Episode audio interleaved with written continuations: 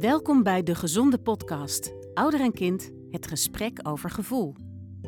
Interviewers Merel Stijnweg en Martine Grol schuiven aan aan de keukentafel van vier gezinnen.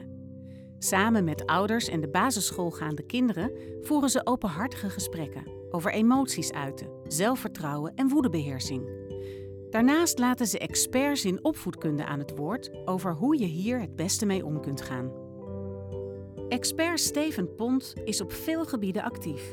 Als docent en therapeut, maar ook als auteur van boeken, columns en artikelen. Alles wat hij doet is opgebouwd rondom twee thema's: de ontwikkelingspsychologie, die gedrag meer vanuit het individu beschrijft, en de systeemtheorie, die juist de rol van de omgeving probeert te benadrukken. In deze podcast praten we met hem over omgaan met conflicten en wat nu eigenlijk een conflict is. Welkom, Steven Pont. Dankjewel. We gaan het vandaag hebben over omgaan met conflicten. Zo is het. Kan jij jezelf eens voorstellen? Mijn naam is Steven Pont. Ik ben ooit begonnen in het onderwijs. En daarna ben ik ontwikkelingspsycholoog geworden en heb jarenlang gewerkt met hele ingewikkelde jongetjes en meisjes. En uh, ik merkte dat om nog iets meer van gedrag te snappen, dat je ook het systeem het, systeem, daarmee bedoelen we de relationele omgeving rond een kind of rond een individu, uh, niet kan wegpoetsen. Dus dan ben ik systeemtherapeut geworden. En nog iets meer te snappen van conflicten in systemen ben ik mediator geworden. Dus dat zijn eigenlijk, uh, zeg ik wel eens, de vier hoekstenen van wat ik doe. Dus het onderwijs en de ontwikkelingspsychologie, de systeemtherapie en de mediation. En wat doe je in een systeemtherapie? Hoe moet ik me daar iets bij voorstellen? De eenheid van behandeling in de ontwikkelingspsychologie is vaak het individu. En in de systeemtherapie is het individu niet de eenheid van behandeling, maar de relatie. Dus dat is wat niet wat er in mensen speelt, maar wat er tussen mensen speelt. En het idee is dat als je kunt helen wat er tussen mensen speelt, dan heel je ook datgene wat er in mensen speelt in die relatie. Maar bij een systeem, dan denk ik aan bijvoorbeeld familieopstelling. Ja, of precies. Is dat iets. Dat is er een onderdeel van. Ja. ja Oké. Dat is een van de vormen. En voor mensen die niet weten wat een familieopstelling is, kan je daar iets over vertellen? Nou, dat als je mensen bij elkaar in een ruimte brengt en je vertelt uh, het een en ander hoe de relaties in elkaar zitten. En uh, dan vraag je mensen om zich op die manier in, in een ruimte op te stellen. Hè, dus uh, maar je kunt het ook met poppetjes doen. Ik doe, hè, dus, uh, je, uh, met Playmobil bijvoorbeeld. Precies. En dan ga je kijken hoe de, de, dynamiek tussen die mensen is. En als je de dynamiek tussen de mensen snapt, dan snappen mensen waarom ze altijd een bepaalde rol hebben gehad, die ze eigenlijk tot op de dag van vandaag voortzetten. Terwijl ze eigenlijk hun gezin van herkomst, hun gezin van herkomst, herkomst dus eigenlijk al verlaten hebben. Maar de rollen die ze daar hebben gespeeld, of de dynamiek die daar heeft gespeeld, die infecteert eigenlijk nog steeds hun dagelijks leven en daarmee ook hun gedrag en hun gedachten en hun ideeën. En uh, om dat te verhelderen, uh, kan het heel behulpzaam zijn in, uh, nou, in verdere ontwikkeling. Wat is jou opgevallen in de podcast? Nou, dat er, kijk wat we, er zijn altijd conflicten. Hè? Dus er zijn, wij hadden net een conflict. Namelijk, ja, je kijkt nu meteen verbaasd. Ja. Uh, maar wat was het conflict? Gaan we nou op de bank zitten of gaan we aan tafel zitten? Dus dan hebben we daar verschillende ideeën over. Toch? En is dat, dat is, meteen een conflict? Dat, dat zou je. Ja? Zou je dat als een uh, conflict nou, kunnen... Kijk, Volgens mijn gevoel was het gewoon een gedachtegang. Ja, oké, okay, maar als we nou conflict definiëren als het hebben van verschillende ideeën. Mm -hmm. Dus het, het uiteinde van een conflict kan een ruzie zijn. Maar het uiteinde van een conflict kan ook een onderhandeling zijn. Wat wij eigenlijk hebben gedaan. Dus de spanning is niet opgelopen, maar we hadden wel verschillende ideeën over hoe we dat zouden gaan doen.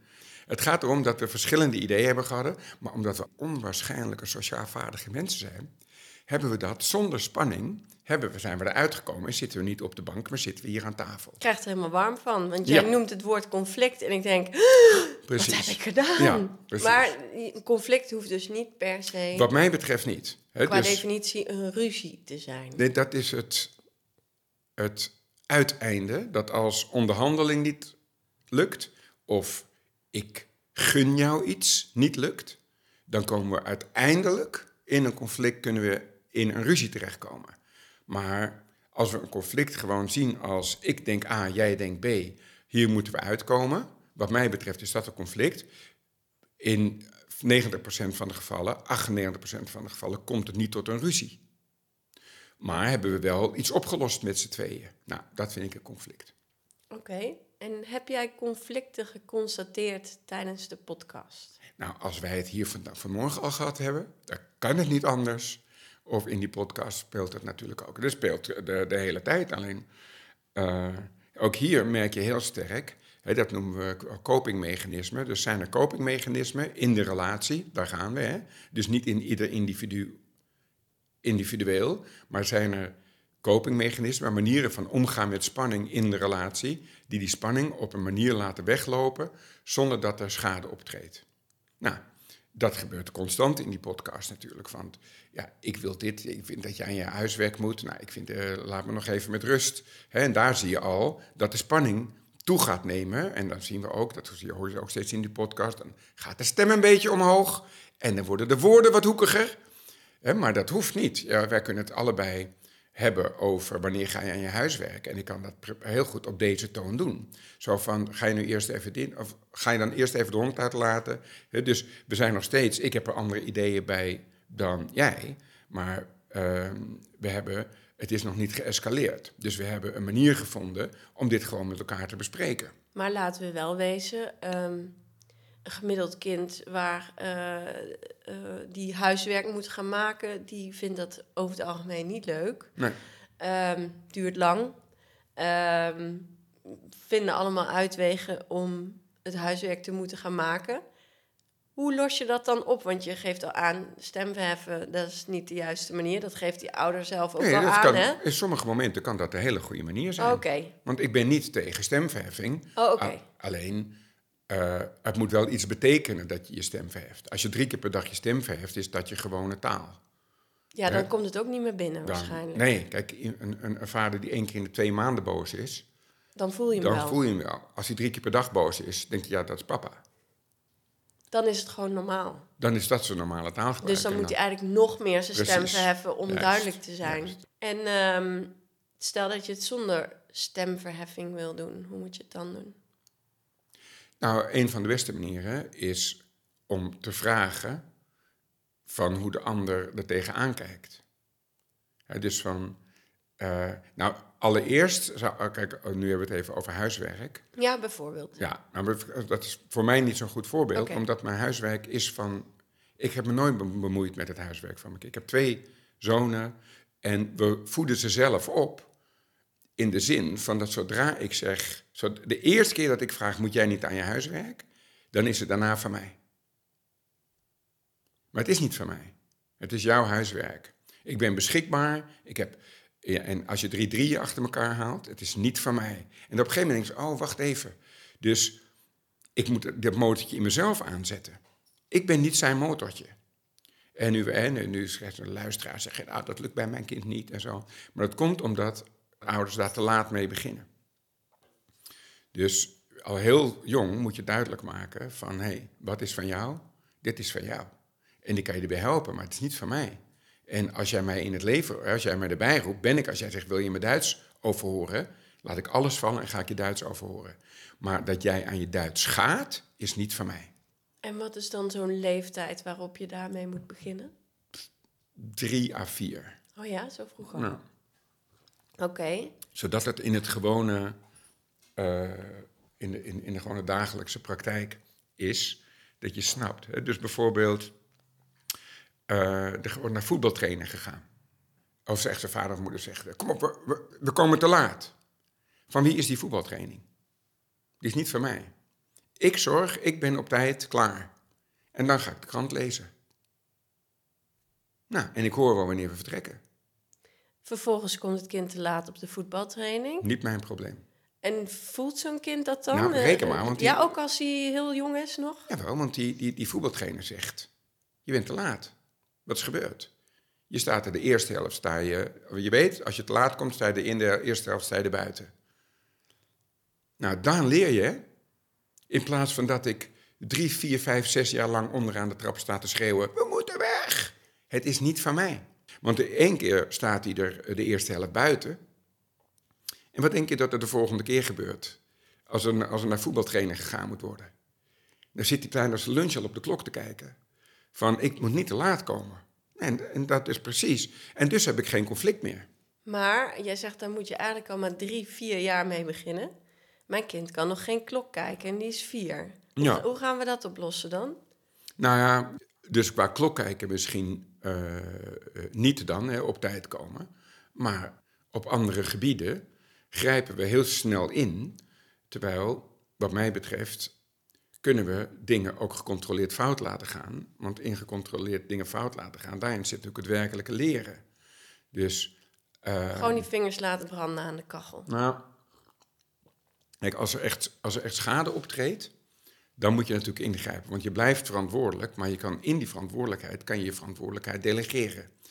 Je kunt verantwoordelijkheid delegeren, maar je blijft altijd eindverantwoordelijk. En net zo goed als een leidinggevende in een bedrijf kan allerlei verantwoordelijkheden delegeren.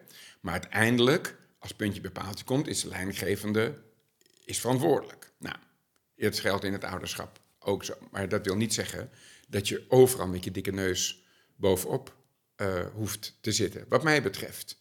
Dus ik denk dat in die zin je al heel jong eh, eh, kunt beginnen. Maar mijn kind moet op tijd op school zijn. De zitten tijd op school, als je nog niet klok kan kijken. Ja, zitten treuzelen. Ehm, ze gaven ook al aan in de podcast van... ja, mij moet je niet gaan haasten... want daar heb ik een heel erg hekel aan, zei Pieter volgens mij. Mhm. Ehm, dat is dan een kind van elf. Maar een kind van vier heeft daar net zo goed last van. Maar, en die kan geen klok kijken. Nee, dus dan ben jij verantwoordelijk. Ja, maar ga je dan ook de krant lezen? Of? Nee, dan niet, maar wel op, op, op, op andere punten. Ja, Dus ik, je moet mij niet haasten. Nou, ik vind het goed. dan maar haast wel, ik je niet. Nou, haast ik je niet. Maar dan heb je wel het gevolg dat je te laat komt. Ja. Oké, en ehm, zijn er verder nog dingen die jou zijn opgevallen? Nou, ik vond dat ze het allemaal. ehm, het conflicten leken, leken bij geen van de gezinnen die ik gehoord heb hun leven bepaald te beheersen. Dus ik vond dat ze allemaal wel hun, hun, hun weg gevonden eh, leken te hebben. En als het fout ging, dan is dat. Dus je hebt eerst. Dan heb je natuurlijk nog een vaardigheid en dat is hoe maak je het weer goed. Hè, want je vliegt af en toe de bocht uit, hè, dus het lukt je niet op die milde manier. Dus de spanning neemt toe, de hoekigheid van de taal neemt toe, de stemverheffing neemt toe. Nou, en dan, en dan ontstaat er wat schade en die schade moet je natuurlijk herstellen. Dus als je, net zo goed als je een botsing tussen twee auto's hebt, en dan ga je dat herstellen. Nou, je botsing dat? tussen twee mensen. Eh, nou ja, dat is eh, een van die zei nou, wij knuffelen dan gewoon heel veel. Dus hoe je het doet, dat, is, dat is, hangt heel erg van de gezinscultuur af. En dus van, eh, niet alleen landen hebben een cultuur, of steden hebben een cultuur, maar alle gezinnen hebben natuurlijk ook een cultuur. En je hebt wat meer praatgezinnen. En, en zij zeiden, ja, we zeggen eigenlijk niet zoveel tegen elkaar. Maar kijk, nou, was nou? Nee, was nou? Nee, en, dan, en toen zei die moeder, zeg, ja, wij knuffelen gewoon heel veel dan. Ja, we praten niet zoveel, maar nou, dat is, kan ook. En als je kind wat ouder wordt, dan eh, is het heel goed om, denk ik, om er wel wat meer over te zeggen.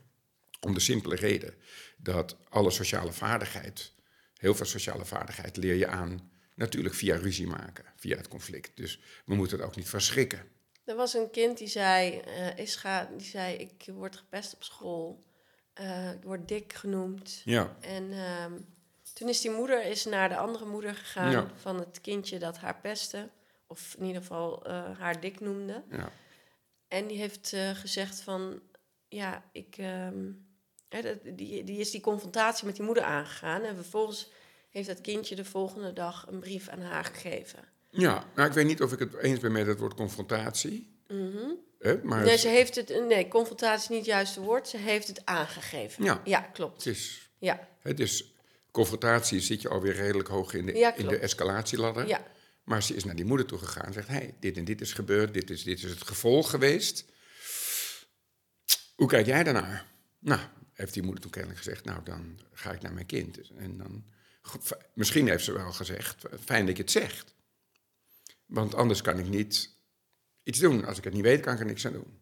Is dat een goede manier, denk je? Dat je dan van moeder tot moeder even praat daarover als je kind gepest wordt bijvoorbeeld? Ja, ja. Ik denk dat dat in de volwassen wereld thuis hoort, ja. Ja?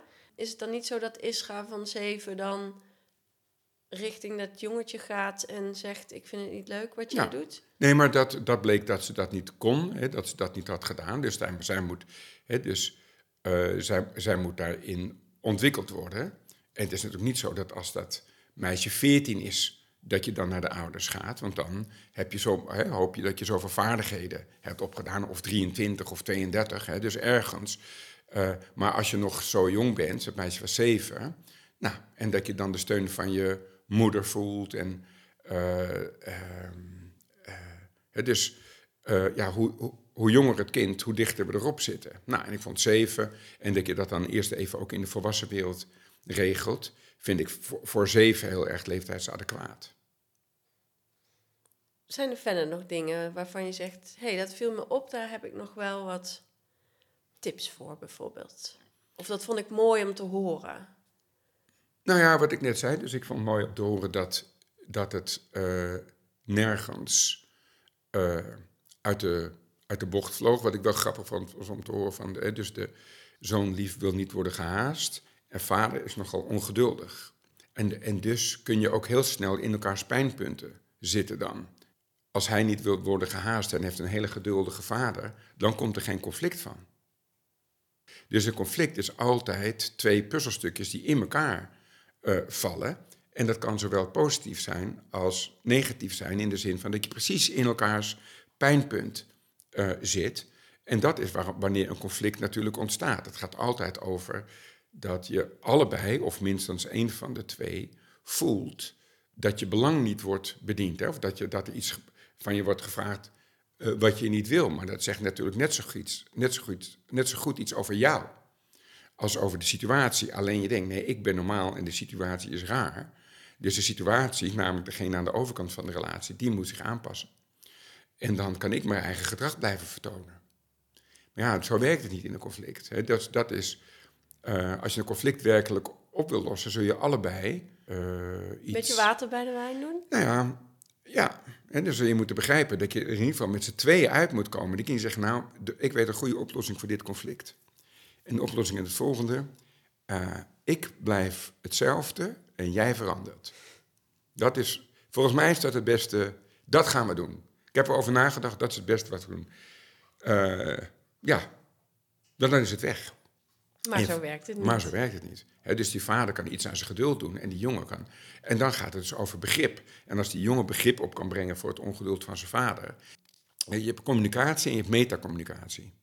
En communicatie is wat wij nu doen. Dus wij communiceren. Maar als ik tegen je zeg, Martine, hoe vind jij dat dit gesprek gaat? Dan is dat metacommunicatie. Dus dat is communiceren over de manier waarop wij communiceren. En dan kan je zeggen, uh, ja, je moet me iets meer vragen laten stellen, want ik kom er niet tussen, ik zeg maar wat. Oké, oké. Maar daar kom ik pas op het moment dat, ik, dat we metacommuniceren. Ja, want dan vraag ik jou daarnaar. Nou, en dat kan... Het is een higher level eigenlijk. Juist, hè, dus je gaat erboven hangen. Dus je gaat boven de communicatie hangen, je kijkt ernaar en je denkt van... hé, hey, hoe loopt het daar eigenlijk? En uh, dat is eigenlijk de beste manier om op een hoger niveau uh, uh, te hebben over... Hoe, hoe vind je hoe dat wij communiceren, bijvoorbeeld? Bijvoorbeeld. Dat, dat, dat, is dan een vraag ook die je als ouder Ja. aan je kind stelt. Ja. Dus je zegt, van, vind jij dat wij veel ruzie hebben eigenlijk? En als dat kind dan niet denkt, ja, maar oh god, er is hier een goed antwoord en een fout antwoord, want dat denken kinderen fout, vaak. Dan denk ik, oh, oh, wat is het goede antwoord? Maar dan, het is... Het, Alsof het een quiz is. Nou ja, het, het, ja, precies. Het, alsof er een waarheid is en of jij die waarheid al kent. Terwijl het is veel meer een soort, het, het raakt bijna aan filosoferen. He, want wat is nou vaak? En zo, he? Dus wat vind jij dat wij vaak ruzie hebben? Wat is ruzie? Dus, maar, En wat is vaak? en ja. wat is vaak? Precies. Dus dat is. Uh, en over het algemeen is zijn dat rustige gesprekken dan dat je het in de ruzie op gaat proberen te lossen. Ja, daar hebben ze het in de podcast ook over gehad. Hè? Dat je soms even zo'n kind even moet laten. Even... En zo'n ouder. En een ouder, inderdaad. Uh, Want die ouder bleek, bleek er langer mee te, door te lopen dan het kind. Ja. Die En dan gewoon even elkaar even laten in de ruzie aan zich. En dan later daarop terugkomen. Ja. Is, dat is wel ook Ja. wat je zou adviseren. Ja. Ja. En waar is dan het juiste moment? Ik bedoel, in wanneer en waar? Uh, het juiste moment is als de emoties zijn gezakt. Je, je kunt een ruzie zelden oplossen op het moment van de ruzie zelf. Dus uh, op, op het moment van de ruzie gaat het er meestal om, om ervoor te zorgen dat er niet nog meer schade wordt gedaan. Uh, maar we hebben natuurlijk bij een ruzie het inhoudsniveau, waar gaat het eigenlijk over? Maar ook hoe gaan we met elkaar om? Dat zijn twee niveaus van een conflict. Ja. Maar dan zit ik midden in die ruzie en het loopt hoger op. Hoe kom ik daaruit? Ga je zeggen van um, hier gaan we niet uitkomen, laten we even ieder ergens anders gaan zitten? Of hoe, hoe kom je daaruit? Dat weet ik niet. Dat is in elk, dat is overal anders. En dat is nou zo'n metagesprek. Zo van als wij nou zo uit elkaar knallen, hoe kunnen wij daar dan het best mee omgaan? Nou, zeg het maar. Zeg, want, want wij hebben af en toe conflicten en dan staan we schreeuwend tegenover elkaar. Ik merk aan jou, jij wil dat niet, ik wil dat niet. Soms komen we erin terecht. Is niet erg. Het is pas erg als we het daarbij laten. Dus wat, wat kunnen we dan het beste doen? Nou, en dan maak, maak je het kind dus, tussen aanhalingstekens, mede schuldig aan de situatie. En wij hoeven niet alle antwoorden te hebben. Dus wij kunnen beter de goede vragen hebben dan dat we denken dat we alle antwoorden moeten hebben. Dus zeggen, oké, dat gebeurt af en toe. Hoe kunnen we daar het best mee omgaan? Of hoe vind jij dat ik daar het best mee om kan gaan? Kan ik dan het best even weglopen? Hè, dit bijvoorbeeld zegt de pubermeisje, zegt, ja, maar je bemoeit je te veel met mij. En dan niet blaren, ja, maar dat maak je er ook naar. Hè, want, maar zeg, oké, dan snap ik het tenminste. Dus Jij, ik, je vindt dat ik je te veel, dat ik te veel, ja, dat vind ik. Oké. Nou, en dan neem je het gesprek van daaraf aan op. Wat kan ik, eraan doen dat jij vindt dat ik uh, me er niet te veel mee bemoei? Wat kan ik, hoe kan ik zorgen dat ik me minder bemoei? Ja. En dan leg je die vraag bij het kind neer. Ja. Mm ja. En, dan, en als het kind zegt, nou, je moet gewoon nooit meer tegen me zeggen. Hè, dat kan natuurlijk niet. Dus het is geen eenvoudig gesprek. zeg niet alleen, het is wel een gesprek op hoog niveau. En dan ga je onderhandelen? Ja, bijvoorbeeld. Zeg van nou, weet je, je komt uh, bijvoorbeeld, je komt altijd mijn kamer al binnen zonder kloppen. Ik ben geen negen meer, ik ben uh, veertien. Dus ik moet dat ook altijd bij jullie doen als, als ik bij jullie de slaapkamer binnenkom. Nou, ik, een meisje van veertien vindt zichzelf volwassen, hè? dus die denkt, nou, die wil graag in de volwassen wereld serieus genomen worden. Nou, als jij vindt dat je dochter uh, dan uh, bij jou moet kloppen, dan wordt het tegen dat doet ze al 14 jaar, dan is er een moment die zegt, nou, dat vind ik een goed punt. Snap ik. Snap ik. En om deze conflicten te voorkomen, of dit metagesprek um, over conflicten, hoe zou je dat enigszins... Kijk, we hebben allemaal conflicten, maar hoe zou je enigszins het kunnen voorkomen. Dat je bijvoorbeeld zegt, we doen iedere, ik verzin maar iets hè, we doen iedere week hebben we een gesprek aan tafel tijdens het eten. Nou, kan. Maar wederom, je moet ontzettend oppassen met het leggen van jouw oplossing op het leven van iemand anders. Want dat kan voor jou ooit gewerkt hebben. Of, maar, hè, dus de, de vragen horen veel opener te zijn. Van hoe zouden jullie, zou het zinvol zijn om één keer in de zoveel tijd, hè, dus niet één keer per week, want dat is weer van jou, maar één keer in zoveel tijd is nou, op een leuke manier bij elkaar te komen en is te kijken, als we nou de, uh, is, zou, dat een, zou dat iets kunnen zijn. En dan hoef je dat niet tot in lengte te dagen te doen, maar doe dat eens drie keer. En dan ga je kijken of het voor jullie werkt. En hoe noem je zo'n avond dan bijvoorbeeld? Heb je daar een idee van? Uh, Dat is een hele goede vraag aan, de, aan ze, ja. Aan, aan hun, ja. uiteraard. Want dan leg je het ook weer bij Precies, hun neer. Ja. niet voor mij. Mooi dus als je dan zo'n, zo, zo, zo oké, hoe zou je zo'n avond dan kunnen noemen? Nou, moeten ze... En wat wil je dan eten? Ja. Pizza of... Uh, ja. Weer elke keer anders.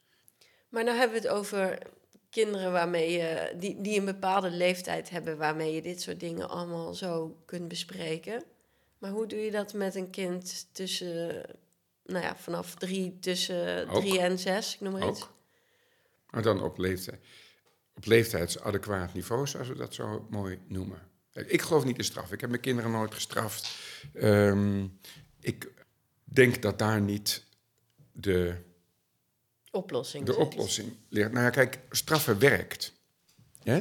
Maar goed, iemand een pistool op zijn hoofd zetten werkt ook. Maar dat iets werkt wil nog niet zeggen dat het, wat mij betreft, de koninklijke route is.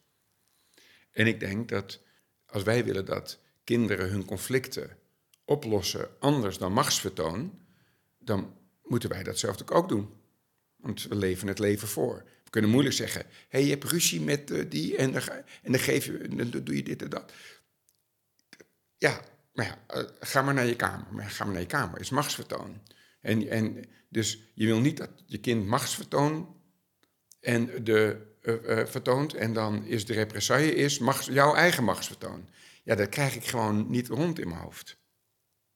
Dus hoe ga je dit oplossen, is wat mij betreft dan. Of weet ik het. Dus je, je bent 20% meer energie nog kwijt, maar op den duur maak je het jezelf wel makkelijker, omdat eh, dingen worden werkelijk, in, even in psychologentaal, geïnternaliseerd. Dus die worden werkelijk van jezelf. En als het alleen op bestraffen en belonen is, denk je, ja, ik ga, ik ga dit niet, nu, nu niet doen, want anders krijg ik straf. Maar dat is conditioneren.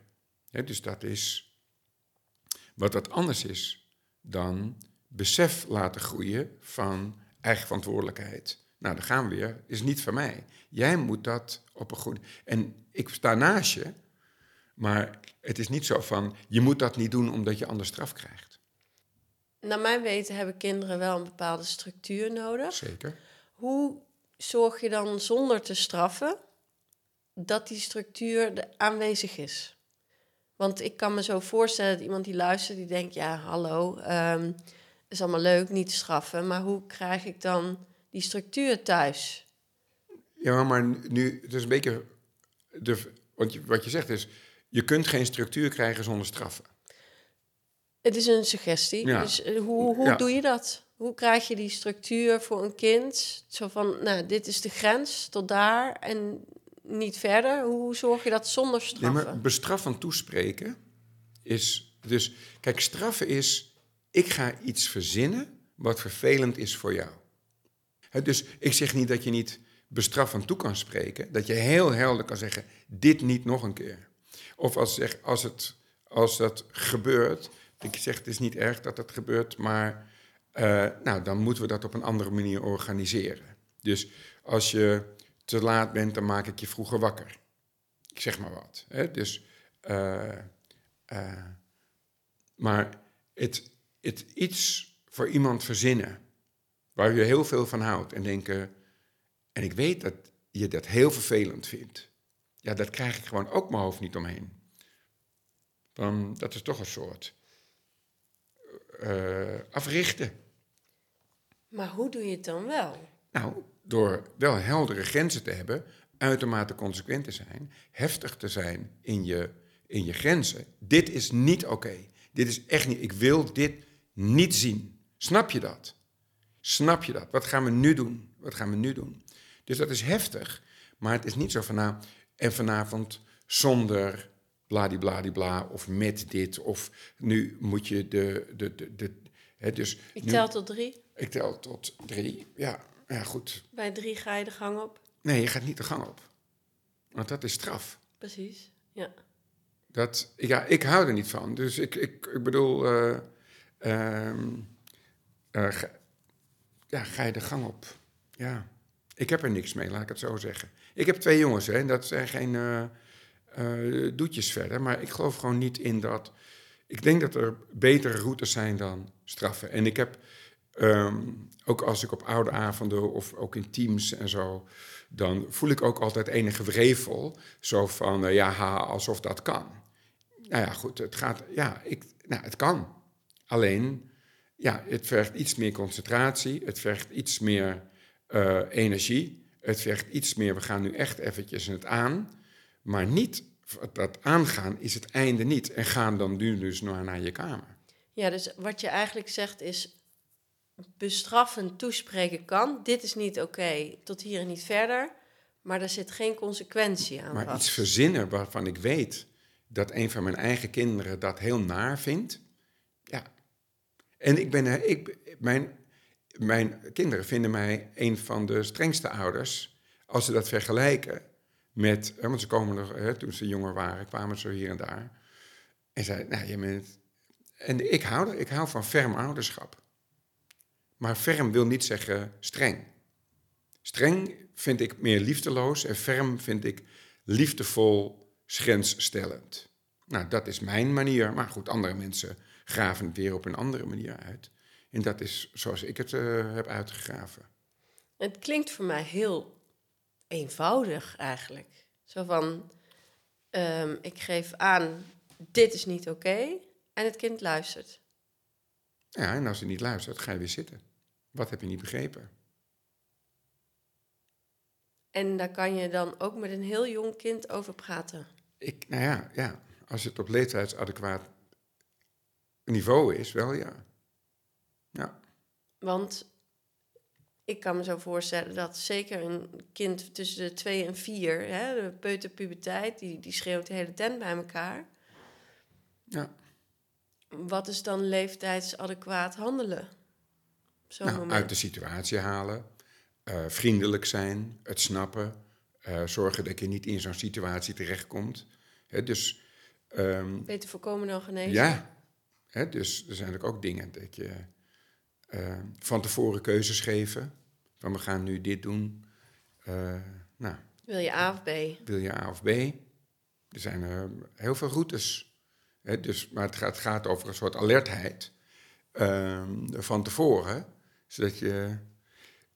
ehm, kijk, en ik ben natuurlijk. Ik heb natuurlijk heel veel met moeilijk opvoedbare pubers gewerkt. Dus ik, leef, dat is, ik leefde altijd al een beetje vijf minuten vooruit. Omdat je, dus je woont dan samen met elf moeilijk opvoedbare pubers. En ben je eh, een dag ben je daar dan volledig voor alle elf. Eten, op tijd naar bed, huiswerk maken, elf moeilijk opvoedbare pubers. Nou, elk, elk, elk beroep heeft zijn beroepsdeformatie. Dus als een brandweerman een, een, een, een, een, theater binnenkomt, dan, dan checkt hij de nooduitgangen. Daar kan hij niks aan doen, dat hoort gewoon bij zijn beroepsdeformatie. Nou, en dat is beroepsdeformatie hier, als je dat maar lang genoeg doet, is dat je altijd vijf minuten vooruit leeft. Van hé, hey, waar zit het volgende knelpunt? Kan dat eventueel en wat kan ik aan de voorkant doen, zodat ik het niet hè, aan de achterkant eh, eh, eh, pas op hoef te reageren? Wat is het moment dat ik denk, oké, hier ga ik met mijn gezin, met mijn kind niet uitkomen. Ik moet nu naar een systeemtherapeut, een mediator of een ontwikkelingspsycholoog of een pedagoog. Ja. Wat is het moment? Nou, kijk, heel veel. Kijk, als je. eh, als je als ouders is, is, eh, uit de bocht vliegt. En dat kinderen kunnen een hoop hebben. Hè, dus ik ben, ik ben sterk, wat ik net ook al zei, ik ben voor ferm ouderschap. Ik ben tegen een soort poekie-poekie, ai-ai-pedagogiek. Je hebt recht op heldere grenzen. Daarbinnen is, de, is het. Ehm, maar op het moment dat je merkt dat dingen die, eh, waar je zelf niet tevreden over bent, en dat die in een patroon terechtkomen. Kijk, stel je bent, eh, je komt één keer per maand chagrijnig thuis. Dat is heel goed, heel goed, want dan leert je kind met chagrijn omgaan. Hè, dus, Oké, dus dat moet ik een beetje inschatten. Eh, we zijn op het ogenblik, eh, oh, die, ken die bui, die komt één keer in de maand, twee maanden voor. Daar is die nu. En dan weten, hoe moet ik me daaromheen vormen? Moet ik een beetje een stapje terug doen? En dan kan je die sociale dans, wat uiteindelijk het sociale leven natuurlijk is, die leer je daar een paar pasjes, leer je daarvan. Dus, maar wat nou als je elke dag chagrijnig bent? En op dat moment gaat het kind dus zijn, zijn persoonlijkheidsontwikkeling vormen om jouw chagrijn. Wat wat anders is, hè, want die dwing je dan in die dans. Dan wat anders is van ik heb een paar pasjes geleerd erbij. Nee, dan is dit, die paar pasjes zijn dan de hele dans. Mama is altijd chagrijnig. En de kinderen in hun loyaliteit vormen zich dan om, eh, om dat systemische eh, eh, probleem. Nou, en dan wordt het relationele wordt dus persoonlijk. Nou, en, op, en, en, en dat zijn wel momenten waarop je denkt, oké, eh, hier, hier, hier, hier moet ik als individu iets mee.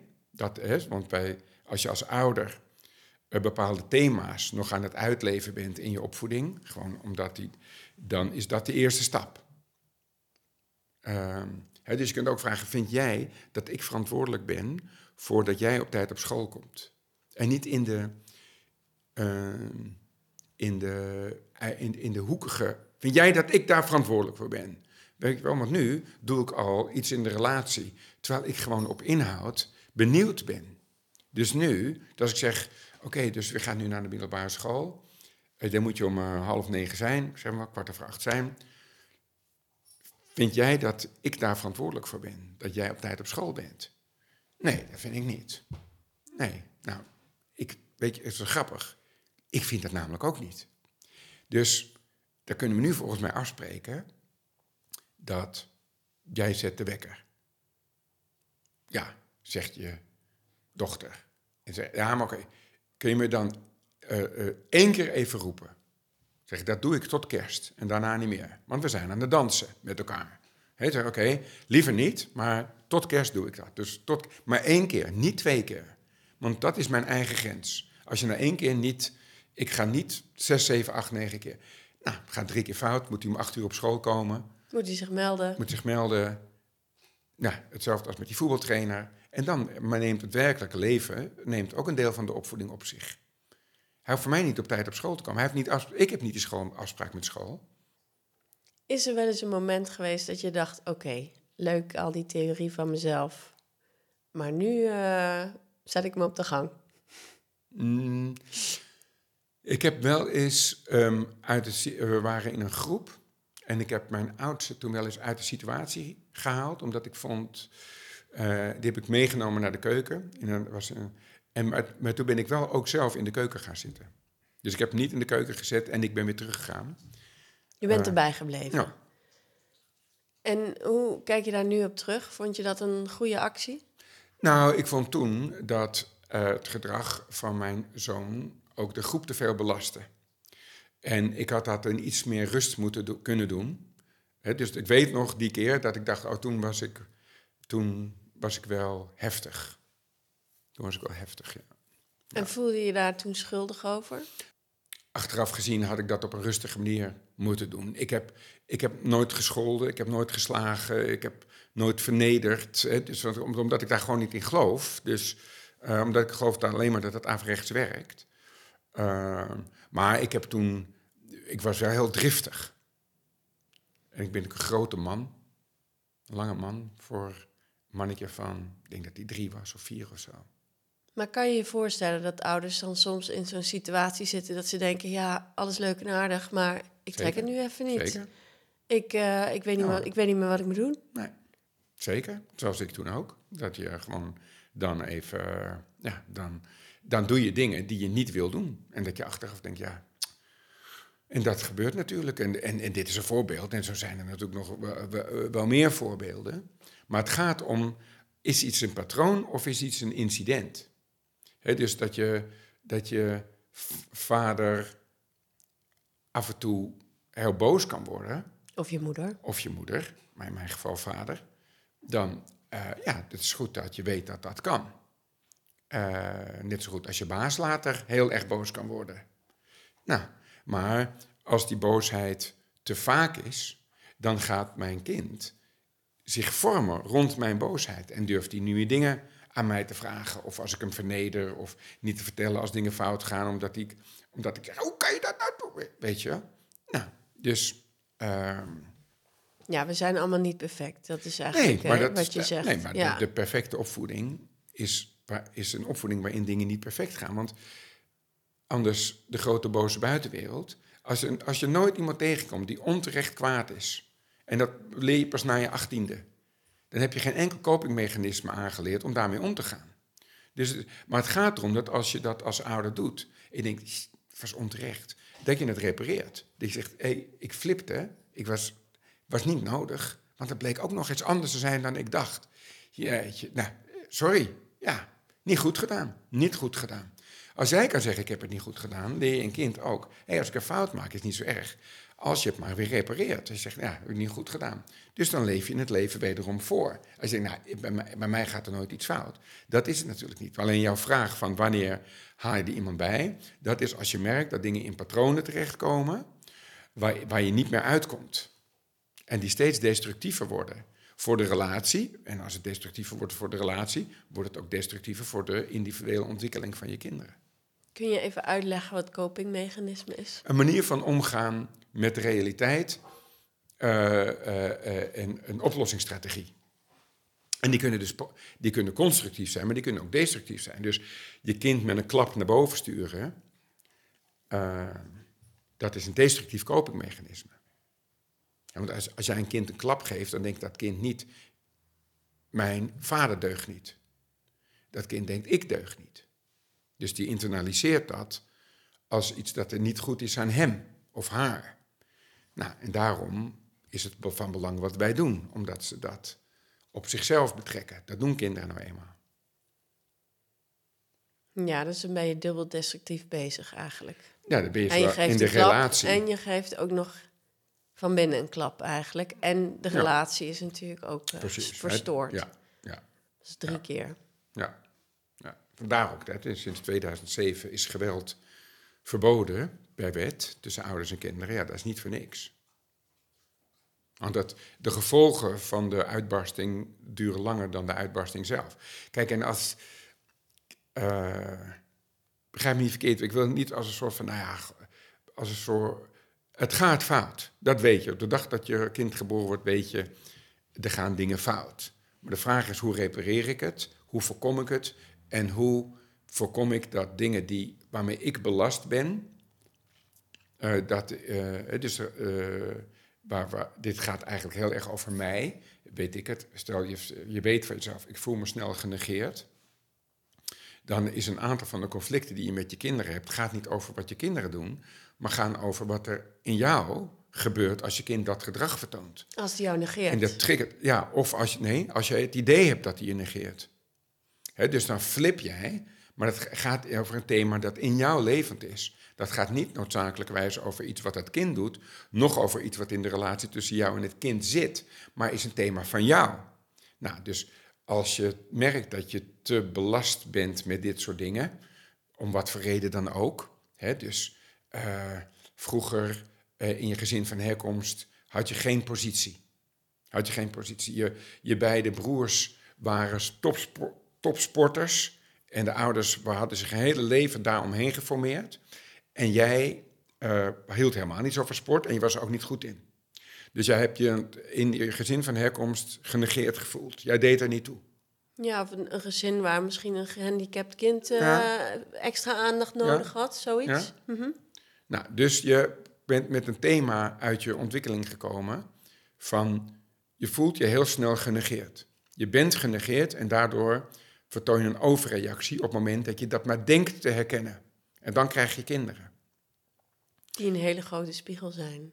En dan uh, reageer je, ageer je uit, ten opzichte van je kinderen, jouw eigen thema. Nou, en op dat moment, als je zegt, wanneer moet ik, als je denkt... Wanneer moet ik naar een psycholoog? Zeg je van, hé, ik... Hè, dus kinderen die verheftigen, verhevigen dat soort dingen, hè, want ja, je kan er niet aan ontsnappen. Je komt niet om vijf uur thuis en denkt van, nou, die leidinggevende zak er maar in. Nee, want dit is het leven. Nou, en dan kun je oké, dit, is, dit, hoort, dit, is dit is van mij. Dat is niet van iets wat mijn kind doet. Dit is iets wat, wat, wat die in mij triggert, maar dat is mijn thema. Nou, dus antwoord, op antwoord op jouw vraag, dan is dat een goed moment om te denken, oké, dus ik moet dat thema oplossen. En snappen dat wat daar gebeurt gaat niet over hem of haar, maar gaat over mij. Heb jij verder nog tips waar mensen iets aan zouden kunnen hebben? Nou, als ja. het gaat om conflicten.